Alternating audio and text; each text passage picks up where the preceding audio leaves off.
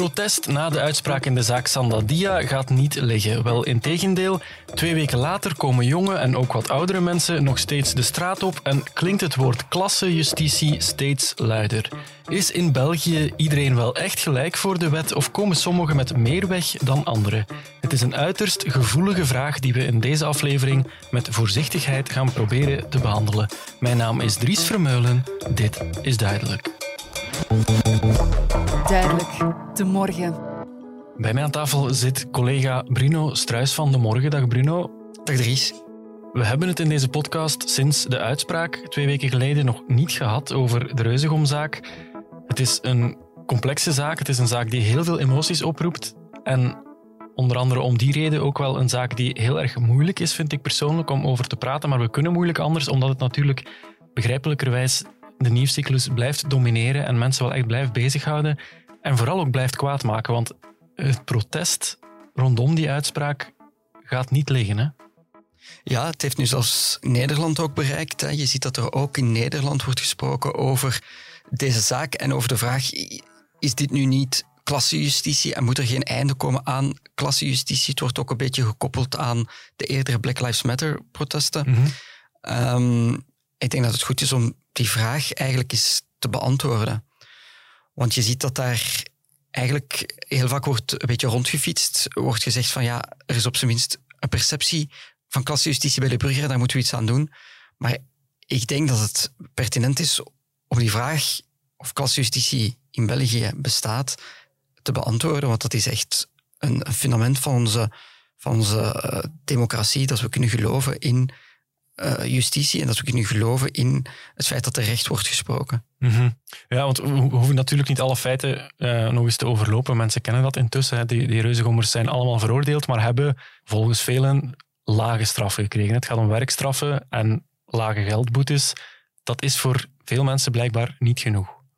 Nee, en dat begrijp je ook wel een klein beetje als je naar de feiten gaat kijken. Je hebt hier natuurlijk een jonge man van kleur die dood is. Um, het is een huiveringwekkend verhaal van foltering eigenlijk. Hè. We, weten tot in het detail wat er daar is toegediend. We weten dat ze daar in een, kuil moesten zitten in het water in de maand december.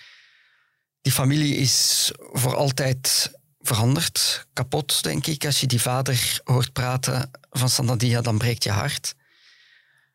Als je dan kijkt dat de personen die daarvoor verantwoordelijk zijn werkstraffen krijgen, dan kan je die twee moeilijk met elkaar verzoenen. Mhm.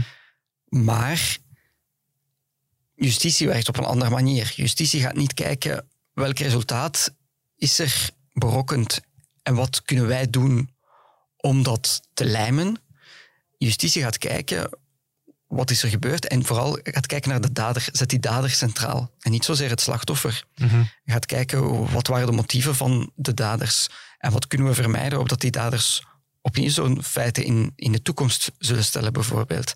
Mhm. En dat hebben ze natuurlijk wel in dat proces veel gedetailleerder nog dan wat er in de media is gekomen, hebben die rechters dat op hun bord gekregen en zijn ze gezamenlijk tot de conclusie gekomen met betrekking tot die daders. Mhm. Een belangrijk element voor de perceptie rond deze zaak en misschien ook een van de factoren die heeft meegespeeld waarom het bijvoorbeeld tot in de VS in de media is gekomen, zijn de profielen van de betrokken personen. Het gaat hier over een jonge man van kleur als slachtoffer en op één na allemaal witte jonge mannen met een gegoede familie achter zich als daders. Als je dan spreekt over klassejustitie, dan zeg je die afkomst heeft hier een rol gespeeld in hoe de rechtbank dit heeft behandeld en misschien zelfs in de strafmaat. Valt zoiets hard te maken? Kan je dat onderzoeken of, of daar iets van aan is? Ik denk dat dat wel te onderzoeken valt. Maar ik denk dat er wel weinig onderzoek naar bestaat op dit moment. We hebben in, in een artikel in, morgen verwezen naar een onderzoek in Nederland, maar ook dat onderzoek stelt eigenlijk niet onomstotelijk vast dat er een link kan gelegd worden Mhm. tussen de uitspraak die er gebeurt en dan de afkomst van degene die daar, die daar dan terecht staat, of de afkomst van het slachtoffer. Het is heel moeilijk te onderzoeken, omdat eh, zaken natuurlijk wel heel hard van elkaar verschillen en het dan nogal snel appelen en peren vergelijken wordt. Ja. Wat zeker is, is dat rechters getraind zijn. En dat hoor je ook als je met, met rechters spreekt. Ik sprak onder andere met, met jeugdrechter Christian Denoyel. Mhm. Ze zijn getraind erin om hun vooroordelen uit te schakelen. Of dat dat altijd lukt, is iets anders. Want niemand is natuurlijk perfect. Maar ze zijn er wel dagelijks in geoefend om hun rugzak die ze met zich meedragen. Ze zijn bijvoorbeeld een blanke man van een bepaalde komaf.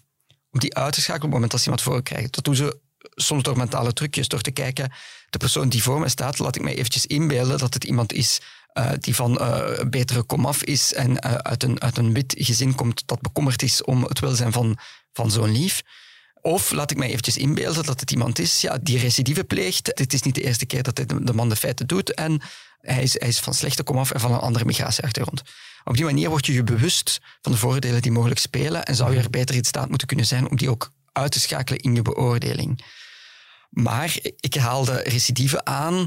Dat is bijvoorbeeld wel een element dat rechters wel degelijk moeten meenemen in hun beoordeling. Dus als iemand een blanco strafblad heeft, als iemand toont dat hij op het goede pad is, ja, dan zal die ook wellicht een andere strafmaat krijgen toebedeeld dan iemand waarvan jij je twijfelt of die de feiten niet opnieuw zou kunnen stellen in de toekomst. Ja. Dus je moet ook wel ergens rekening houden met de rugzak van, van degene die, die voor je staat. Maar dat is nog iets heel anders natuurlijk dan dat systematisch mensen met een andere economische achtergrond, om klasse heel specifiek te nemen, of mensen met een andere migratieachtergrond, anders te gaan beoordelen. En ik denk dat vooral dat laatste is wat op dit moment heel veel mensen die op straat komen bedoelen als ze het hebben over klassejustitie. Is het gevoel dat, ja, we hebben hier in deze zaak heel duidelijk witte, voornamelijk witte mannen die aan de daderkant staan. En ze zouden dan milder zijn beoordeeld, uh, terwijl we aan de andere kant een, slachtoffer van kleur hebben. Vooral ik je kan laten gaan, Bruno, moeten we nog even in de spiegel kijken. Een van de redenen waarom de perceptie althans is dat de reuzengommers hier met iets wegkomen, is dat ze niet worden bekendgemaakt in de media. Normaal gezien, veroordeelden worden met naam en toenaam en met foto genoemd in de kranten en op de televisie. In dit geval hebben alle Vlaamse media beslist om dat niet te doen. Daar komt veel kritiek op. Daar komt veel kritiek op en dan wordt dan heel vaak gezegd, uh, jullie zijn daar inconsequent in. Maar ik heb nog niemand echt dan ook een heel concreet voorbeeld uh, weten aangeven van waar dat dan in het verleden is misgegaan. En het is in het verleden zeker al wel een keer misgegaan. Er zijn al wel een keer mensen met naam genoemd die niet met naam hadden moeten genoemd worden. Maar dan mhm. moet je niet natuurlijk, omdat het toen verkeerd was, moet je niet nu opnieuw dezelfde fout maken ik denk dat het hier terecht is dat die mannen tot nu toe met initialen of met hun alias worden genoemd. Ja, schrijven de deontologische regels niet voor dat het na een veroordeling in elk geval is toegestaan om, om de namen wel te noemen? Dat hangt nog altijd af van de keuze die je dan op dat moment als medium of, of als journalist maakt. Wordt heel veel keuzevrijheid gegeven aan de journalisten zelf. En in dit geval krijgen die mensen een werkstraf. Dat is met de bedoeling dat zij eigenlijk goed reïntegreren in de samenleving, dan zou het heel raar zijn om die mensen toch die stempel te geven door, door hen met naam te noemen.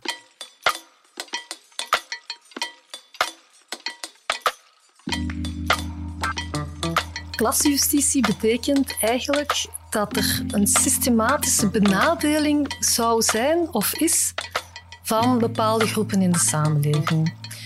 Aangezien dat we in een samenleving leven die ongelijk is, zie je dat die ongelijkheid ook gereproduceerd wordt in het strafrechtelijke systeem.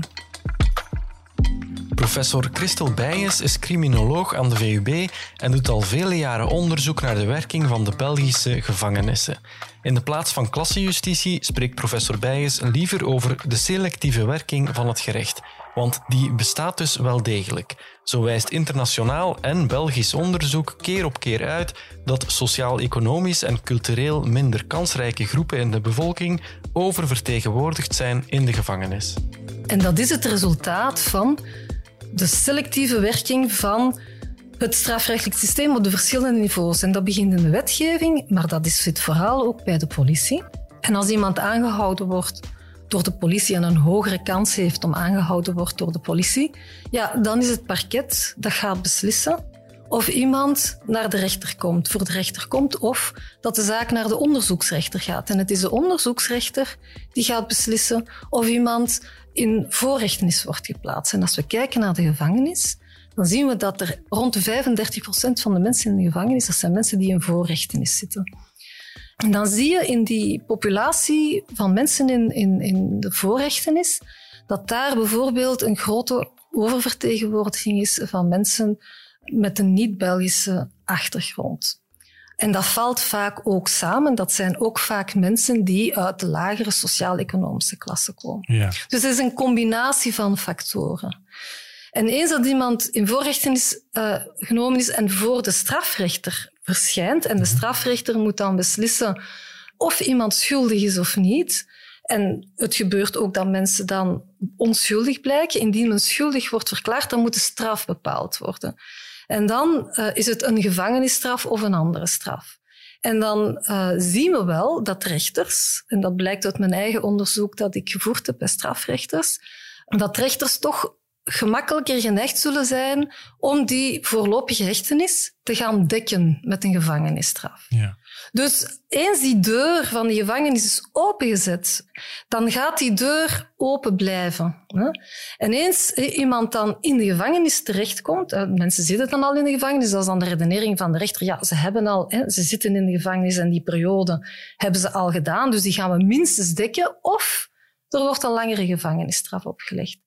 Terwijl als iemand nog niet in de gevangenis heeft gezeten, dan zal de rechter voorzichtig zijn en extra nadenken of die persoon al dan niet naar de gevangenis moet gaan of een andere straf moet krijgen. Een werkstraf, een leerstraf, een elektronisch toezicht, een probatie of alleen een geldboete. Is er eigenlijk al echt onderzoek gedaan of is er enig wetenschappelijk bewijs voor dat een rechter beïnvloed kan worden, bewust of onbewust, door het profiel van wie hij of zij voor zich heeft? De sociaal-economische achtergrond van een beschuldigde bijvoorbeeld, kan die een rechtstreeks effect hebben op de strafmaat, om maar iets te zeggen?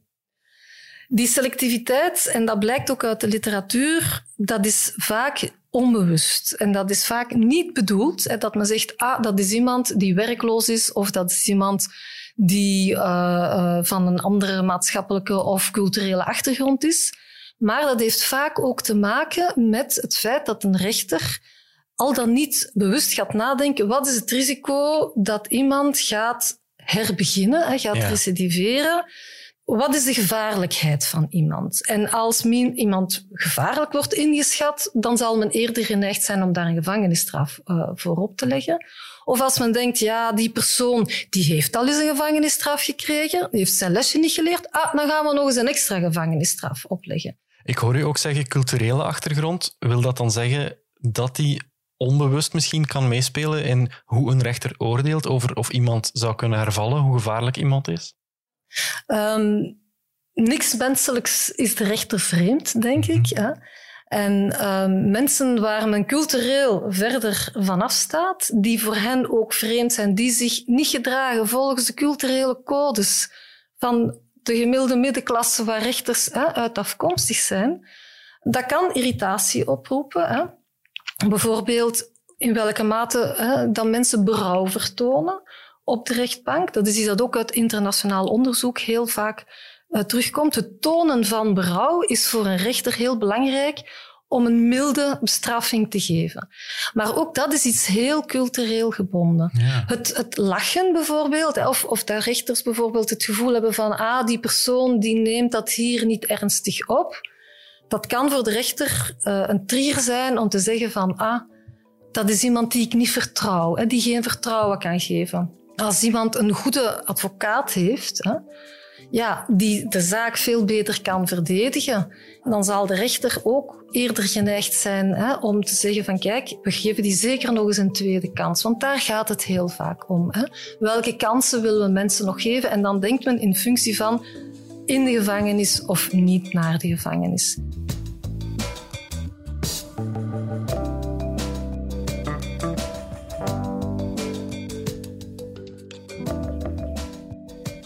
In de Reuzegomzaak is recht gesproken. En rechters doen dat niet lukraak.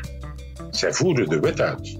Als er dus sprake kan zijn van klassenjustitie, moet je dat wat breder bekijken, ook dieper bekijken. En nu de vraag stellen, wie heeft dat mogelijk gemaakt? Voormalig openbaar aanklager en strafrechter Walter de Smet sprak zich in het verleden al vaker kritisch uit over wat er zoal misgaat bij het Belgische gerecht. Als ik hem in een videogesprek vraag of er in ons land zoiets bestaat als klassenjustitie, verwijst hij naar het politieke beleid. De omstreden afkoopwet, die verdachten in bepaalde gevallen in staat stelt om vervolging te vermijden door een geldsom te betalen, is volgens de Smet een duidelijk voorbeeld van door het beleid geïnstalleerde klassenjustitie. Ook op het stedelijke niveau is overduidelijk dat personen en bedrijven met veel geld vaak net iets meer mogen, zegt de Smet, bijvoorbeeld in Antwerpen. In al die bouwdossiers zie je dat alles gebeurt door tussenkomst van kapitaalkrachtige bouwpromotoren. In het Oosterwiel-dossier is dat ook uh, duidelijk gebleken. Hè? De invloed van de havenbazen. Zelfs in het dossier van de grootste politie ooit door 3M ziet je dat een wereldbedrijf daar de kans krijgt een dadingovereenkomst te maken, die dan overigens toch voor de burger geheim werd gehouden. Het gaat veel verder dan dat. Hè. Als voormalig onderzoeksrechter en strafrechter is Walter de Smet zich er goed van bewust dat we allemaal onze specifieke achtergrond hebben en dus door een bepaalde bril naar de wereld kijken. Het is de taak van de rechter om zich zo neutraal mogelijk over elke zaak te buigen, maar volledige objectiviteit bestaat niet, ook niet in het Reuzegom-proces. Niemand is echt 100% onafhankelijk. Het is ook niet de persoon zelf die uitmaakt of er onafhankelijk kan geoordeeld worden. Het systeem moet daarvoor zorgen, de procedure moet daarvoor zorgen. Ik denk niet dat hier procedurefouten zijn gemaakt. Hè.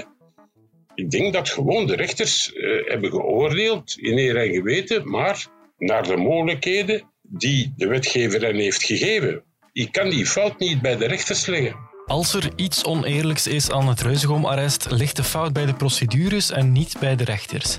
En toch, bij heel wat mensen leeft de overtuiging dat de Reuzegommers er niet met een werkstraf vanaf waren gekomen als ze een andere achtergrond hadden gehad. Ik beken dat ik ergens ook een gevoel heb, hetzelfde gevoel, uiteraard niet in die mate zoals het in de media wordt gebracht, maar dat ik mezelf ook wel de vraag stel of dit geen klassejustitie is zouden jonge mannen die niet over uh, dezelfde familiale achtergrond beschikken, tot dezelfde werkstraf zijn gekomen? Ik weet het niet. Ik weet het niet.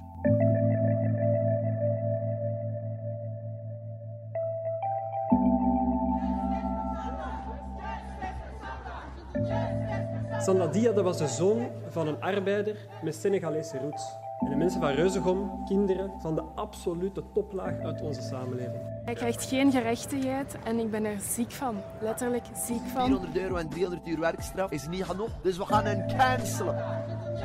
In wat voor een um, fucked up maatschappij leven wij eigenlijk?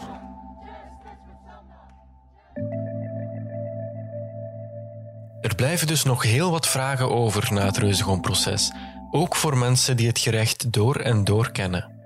In die mate dat zelfs de Hoge Raad voor Justitie nu overweegt om een onderzoek te starten naar klassenjustitie. Criminologe Sophie de Kimpe pleit ervoor om ons hele gerechtelijke systeem eens goed tegen het licht te houden en te verbeteren waar nodig. Wat diversiteit betreft, bijvoorbeeld, en de bewustwording van aannames en vooroordelen over bepaalde groepen die wel degelijk bestaan bij politiediensten en rechters. Wanneer je als politieinspecteur op straat loopt en uh, je komt in contact natuurlijk met bepaalde jongeren in bepaalde buurten, met bepaalde mensen die een andere sociaal-economische achtergrond hebben, die minder onderwezen zijn, die een andere taal spreken, dan vergt dat van u wel wat inlevingsvermogen. En dan zal dat van u ook wel een soort van empathie vergen om met die mensen om te gaan. Dat is er niet altijd bij politie, dus het zou handig zijn dat we wat meer politiemensen hebben die misschien ook uit die buurten afkomstig zijn die weten wat het is om daarin op te groeien. Die weten wat het is om te moeten starten met een uh, lagere scholingsgraad en u te moeten opwerken in de maatschappij, zodat er meer begrip is voor die situatie van die jongeren. Anderzijds zien we ook, en dat is ook beschreven in de literatuur, dat soms als mensen dan toch gaan werken in zo'n systeem, uh, komende uit zo'n buurten dezelfde sociaal-economische achtergrond hebben, dat die zich vaak keren tegen hun eigen mensen. Ja. Vanuit het idee van we moeten mensen um, een keer goed laten voelen wat dat de regels zijn, hè, zodanig, want ik heb dat ook moeten voelen, dus, dus we moeten maar hetzelfde ondergaan. En bij mij heeft dat geholpen. Of vanuit een andere reflex van ik wil mij distancieren van u. Hè, en ik wil dat jij is uh, echt uh, een, een, een dergelijke straf krijgt, zodanig dat je uh, op het goede pad zal komen. Dus zelfs dan is het vanuit een, uit de goede bedoeling. Mhm. Vandaar dat het eigenlijk nodig is dat we, dat we in ons strafrechtssysteem, zowel op politie als op niveau van rechters, als op niveau van parket, hè, magistraten ook, procureurs, veel meer diversiteit zouden moeten hebben, zodanig dat dat inlevingsvermogen er ook is. Dat is geen garantie, maar het heeft wel een soort van bijsturing uh, van het systeem nodig door, door die aannames die moeten, die moeten weggewerkt worden. Die aannames, dus die vooroordelen dat mensen hebben, waarbij dan men criminaliteit, bepaalde vormen van criminaliteit, koppelt bijvoorbeeld aan huidskleur. Hè. Mhm. Iemand heeft die huidskleur, dus je mocht verwachten dat dat, dat gaat plegen, dat die weggewerkt worden. Ja, nu, um, rechters zijn denk ik per definitie toch intelligente mensen. Je Ja. zou kunnen aannemen dat die zich ook wel bewust zijn van die vooroordelen die ze zouden kunnen hebben en daar dan abstractie van kunnen maken. Maar is, is er onderzoek dat uitwijst dat dat effectief een verschil maakt als een witte rechter iemand met een andere huidskleur voor zich heeft? In Amerika is, er, is daar wel onderzoek naar. Ja, Ja. Daar bestaat onderzoek naar dat... ehm, ik zal misschien de, de bruggetje maken naar eh, politie, naar schietincidenten bijvoorbeeld. Er is onderzoek, experimenteel onderzoek, waarbij aangetoond wordt dat een witte politieman veel sneller eh, zijn wapen trekt als hij iemand ziet die van eh, donkergekleurde afkomst is dan Ja. van witte afkomst. Maar bijkomend, en dat was mijn punt dat ik ook wil maken, ook mensen met een donkere eh, huidskleur schieten rapper naar iemand met een donkere huidskleur dan naar een witte. Vanuit Ah. het idee, het vooroordeel dat ontstaan is van mensen met een donkere huidskleur, die gaan rapper een wapen trekken, ze zijn crimineler Ja. en, en eh, gaan ook zelf eh, naar mij schieten. Mhm. Dus dat, dat zit heel hard in- ingebakken in, in, in alle groepen, dat die criminaliteit dat dat iets is dat, dat vaak niet wit is. Denkt u dat in België mensen soms voor gelijkaardige feiten zwaarder of minder zwaar gestraft worden, onbewust op basis van hun huidskleur of hun sociale achtergrond? Ik kan me dat voorstellen dat dat gebeurt. En dat is, dat is heel eenvoudig uit te leggen. Hè. Als je rechter bent en je moet daar een oordeel maken, of als je politieman of vrouw bent en je moet daar een oordeel maken over iemand of een situatie die heel dicht bij u komt, die heel gelijkaardig is aan uw situatie. Ik kijk naar de zaak Samdadia. Dat waren ehm, jongens die, waarvan dat die rechters of parketmagistraten of politiemensen waarschijnlijk dachten van dat kan morgen mijn zoon zijn. Dat komt heel dichtbij. Je kunt u veel beter inleven in die situatie. Dan gaat er toch wel op een andere manier nagedacht worden over de zaak dan bijvoorbeeld iemand die uit een compleet andere levenssituatie komt. Waarbij dat iemand die niet opgeleid is, die arm is, dan gaan we zeggen van ja, dat is misschien een sukkelaar, die moeten we op een andere manier gaan behandelen. En dat kan zowel in de positieve als in de negatieve zin zijn. Het kan ook zijn dat je het idee hebt van, het is iemand die minder kansen heeft in het leven, dus ik ga die ook beter bejegenen, maar je kan ook de andere kant op gaan. Hè? Minder kansen in het leven, dus we moeten die even bijsturen, zodanig dat hij het goede pad op gaat, want nu is hem het verkeerde pad aan het opgaan. Ja. Het, het maakt wellicht ook een verschil dat mensen die uit bijvoorbeeld een lagere sociale of economische klasse komen, dat die minder toegang hebben tot bepaalde middelen om zich in die rechtsgang te verdedigen. Wel, er is één verhaal van selectiemechanismen. Hè. Wie selecteer je op straat en wie stop je in het systeem? En dat begint bij politie. Mhm. Maar daarnaast, eens je in het systeem zit, krijg je natuurlijk ook wel bepaalde wapens om je strijd te gaan voeren. Ja. En natuurlijk, als je eh, niet geschoold bent, als je geen netwerk hebt van mensen achter u die u kunnen helpen, als je niet financiële middelen hebt, dan ga je al starten op een heel veel lagere trapje dan iemand die die zaken wel heeft. Vaak zijn mensen die, die, eh, die niet geschoold zijn, weten al niet wie dat ze moeten gaan bellen. Als uw vader een zakenman heeft, dan heeft hem waarschijnlijk al een advocaat met wie dat hem eh, dagelijks eh, consulteert om, Ja. om zijn contracten te sluiten. Alleen maar dat, dat verhaal. Dus je hebt sneller toegang tot de middelen en je kan ze ook gaan inzetten en je kan ze bovendien ook betalen eh, en plus. Hè. Ehm, mensen die die middelen niet hebben, die zijn vaak aangewezen op prodeo's. Dat zijn mensen met veel minder ervaring. Advocaten hebben ook vooroordelen. Ja. Dus ook zij zullen niet altijd die, hun middelen of hun strijd voeren op dezelfde manier als anderen die hun strijd voeren. Dus dat speelt ook nog eens een rol. Dus natuurlijk heeft dat zijn effect op de manier waarop je daar staat in die rechtbank. En, en de status die je daar al krijgt in die rechtbank speelt natuurlijk een enorme rol. Mhm. Om af te sluiten, professor De Kimpe, doet u eens een voorstel. Hoe kunnen we onze justitie verbeteren? Um, begint natuurlijk al bij politie. Uh, ik denk opleiding is daar een belangrijke, maar dat is natuurlijk een dooddoener. Mensen voldoende bewust maken van het feit dat we aannames hebben, dat ook in die opleiding inbrengen, maar gedurende de loopbaan ook daar met de regelmaat van de klok over reflecteren, over in debat gaan, onderling, cases bespreken, zodanig als je daar op straat rondloopt als politieinspecteur of als je in de rechtbank zit als rechter of op het parket uh, een dossier bekijkt, dat je je bewust bent van de mogelijke vooroordelen die er, die er onderhuids aanwezig zijn. Hè? Van, van, van het dossier, ook in het dossier zijn soms uh, vooroordelen aanwezig. Hè? Ja. Dat is de manier waarop dat de politieinspecteur de dingen neerschrijft, de, de parketmagistraat dat interpreteert en uiteindelijk ook de rechter dat dossier leest daarin zitten al aannames. En als je daar bewust van bent en als je je eigen daarover reflecteert, dat denk ik al dat stap nummer één is. We kijken altijd naar geld en mensen, maar het is vooral de wijze waarop de mensen functioneren in de organisatie dat belangrijk is. Professor Sophie de Kimpe, bedankt voor uw tijd. Graag gedaan. Ik bedank ook heel graag mijn collega Bruno Struis. Ik bedank Walter de Smet en professor Christel Bijens. En u, beste luisteraar, ook weer bedankt om erbij te zijn. Volgende week donderdag verwelkom ik u heel graag opnieuw voor een nieuwe aflevering. In de tussentijd kunt u ons altijd bereiken via podcast.demorgen.be. Heel graag tot volgende week. Dit was duidelijk.